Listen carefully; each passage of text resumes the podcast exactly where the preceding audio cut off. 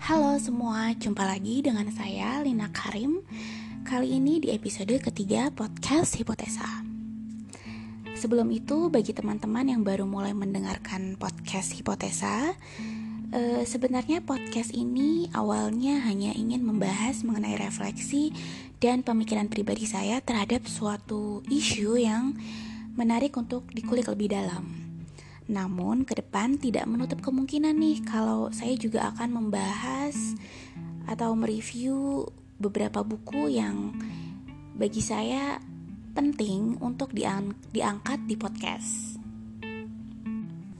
Nah, di episode minggu ini saya ingin membahas mengenai fenomena mode muslimah yang beberapa tahun belakangan begitu menarik perhatian pasar, utamanya perempuan-perempuan muslim di Indonesia karena topik ini cenderung sensitif, sebelum itu saya mau disclaimer dulu nih kalau apa yang akan saya bahas di sini adalah murni pendapat pribadi dan tidak mewakili kelompok mana pun. Saya juga berharap teman-teman yang mendengar podcast ini bisa bersikap bijaksana dengan tidak mentah-mentah menyerap apa yang akan saya bahas untuk keputusan-keputusan di masa depan. Oke, lanjut kembali ke topik bahasan.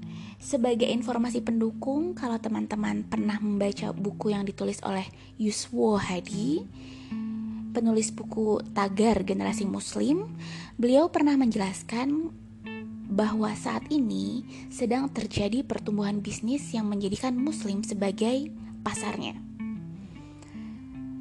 Saya e, mengambil data dari Kementerian Agama. Di sini contohnya adalah dari uh, angka pertumbuhan jemaah umroh Indonesia dari tahun ke tahun ternyata memang mengalami peningkatan yang cukup signifikan. Pada tahun 2014-2015, jemaah umroh Indonesia itu berada di angka 649 ribu. Sedangkan di tahun 2017-2018, angka tersebut melonjak menjadi berada di angka 1.5336 jemaah umroh.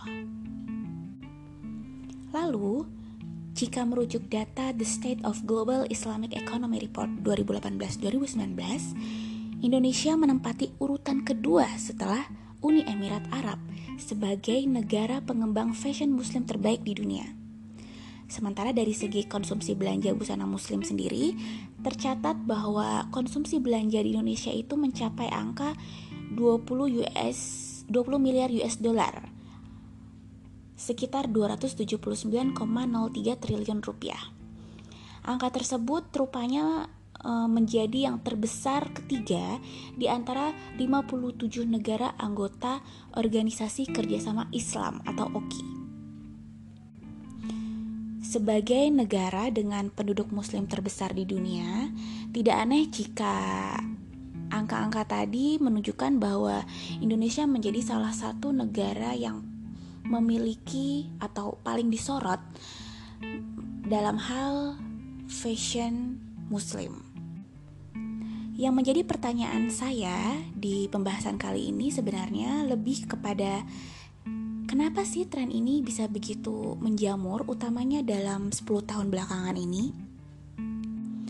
Menurut saya pribadi, pakaian itu merupakan produk budaya. Namun di sisi lainnya, pakaian itu juga merupakan bentuk tuntutan agama atau moral tertentu yang dianut oleh sekelompok masyarakat.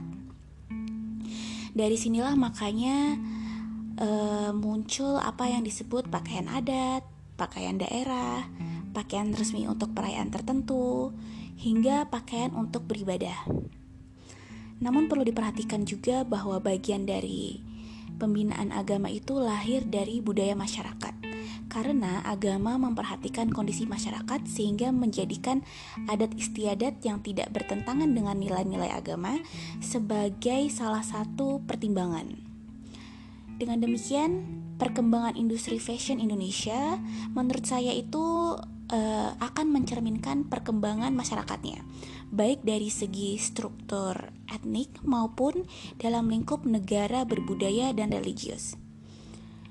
Sebagai negara dengan penduduk mayoritas muslim, perkembangan mode atau fashion Indonesia tidak terlepas dari latar belakang kondisi Indonesia di masa lalu dan di masa sekarang.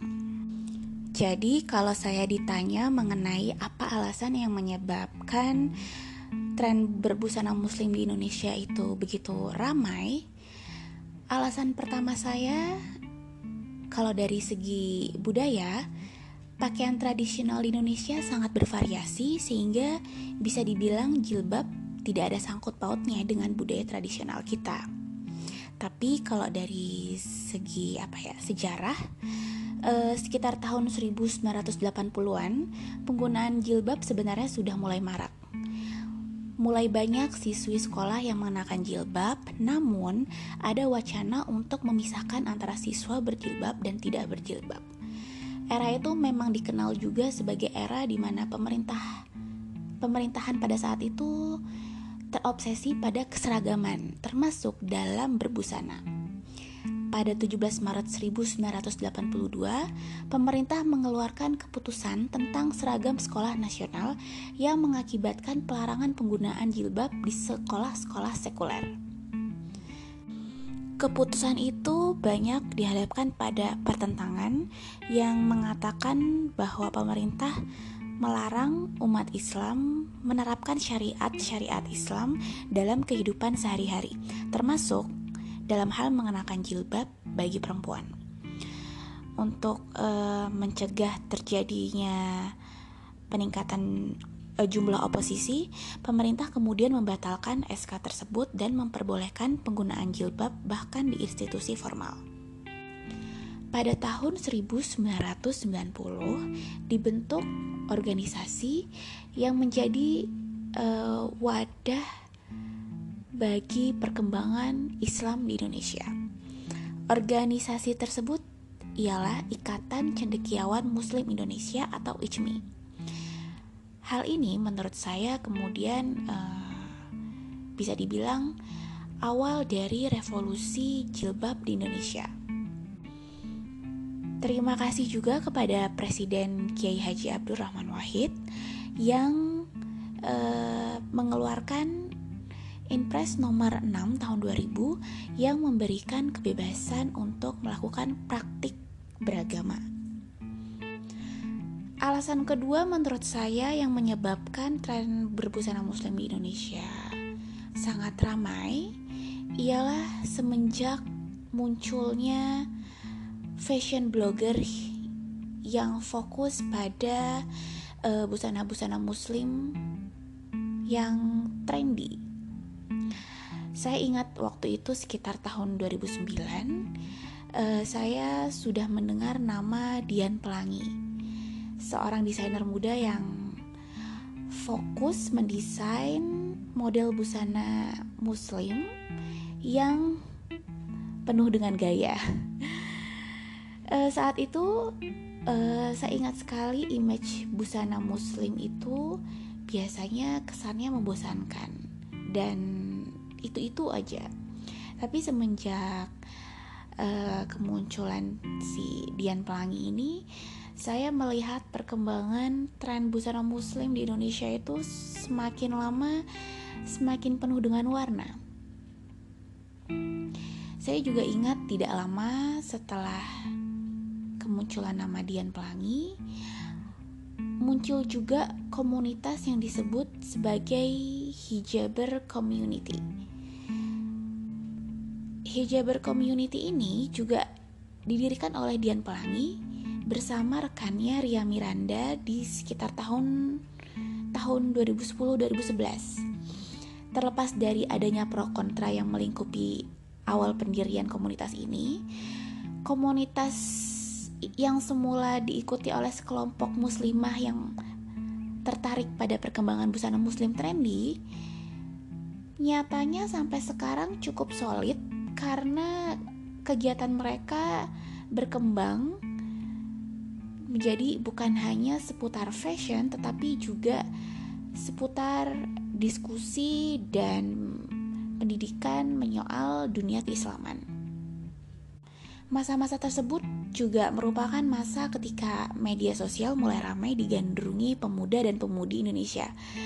Uniknya, media sosial di sini menurut saya memiliki peran yang cukup signifikan juga yakni selain sebagai sarana validasi penampilan dalam berbusana, media sosial juga menjadi ajang promosi dan bisnis busana tidak terkecuali busana muslimah. Dari sana kemungkinan kemungkinan lalu muncul permintaan yang tinggi dan permintaan yang tinggi tadi lalu memompa bisnis jilbab.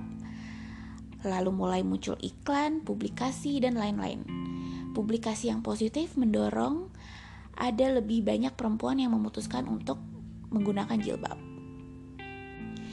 Namun, di balik tren positif berbusana muslim yang ramai di kalangan muslimah ini menurut saya juga memunculkan beberapa implikasi terutama bagi perempuan-perempuan yang memutuskan untuk belum atau tidak menggunakan jilbab. Pengalaman ini utamanya dialami oleh banyak teman perempuan saya sendiri. Kebanyakan alasan teman-teman saya tidak menggunakan jilbab itu ialah karena mereka merasa belum siap uh, belum siap terhadap tanggung jawab moral ketika mereka memutuskan untuk berjilbab. Menurut saya pribadi itu sah-sah saja dan perlu diingat, keputusan bagaimana kita berpakaian menurut saya sangat personal dan siapa pun memiliki hak atas apa yang mereka inginkan.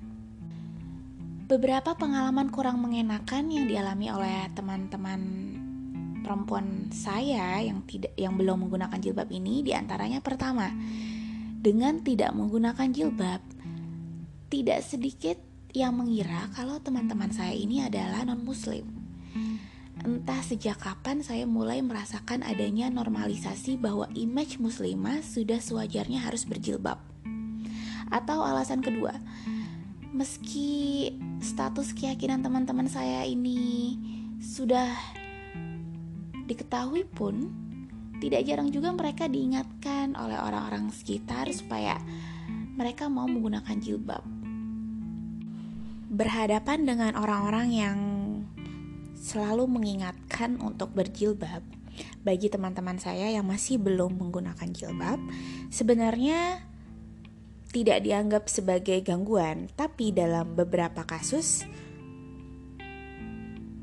mereka sempat merasa agak nyaman, terutama jika yang mengingatkan ini adalah orang asing atau orang yang baru saja dikenal. Lagi pula, toh, menurut saya, penggunaan jilbab di Indonesia itu tidak serta-merta otomatis membuat si penggunanya itu menjadi religius Alasan orang menggunakan jilbab di Indonesia menurut saya sangat personal dan bisa bermacam-macam. Ada yang memang ingin menegaskan bahwa dia itu adalah seorang muslimah, ada yang ingin mengikuti tren saja, atau memang e, merasa terlihat lebih cantik, makanya dia memutuskan untuk berjilbab. Tidak jarang saya juga melihat uh, di media atau berita-berita nasional yang mengekspos bahwa pelaku kasus hukum atau pelaku pelanggaran norma agama tidak sedikit juga yang menggunakan jilbab.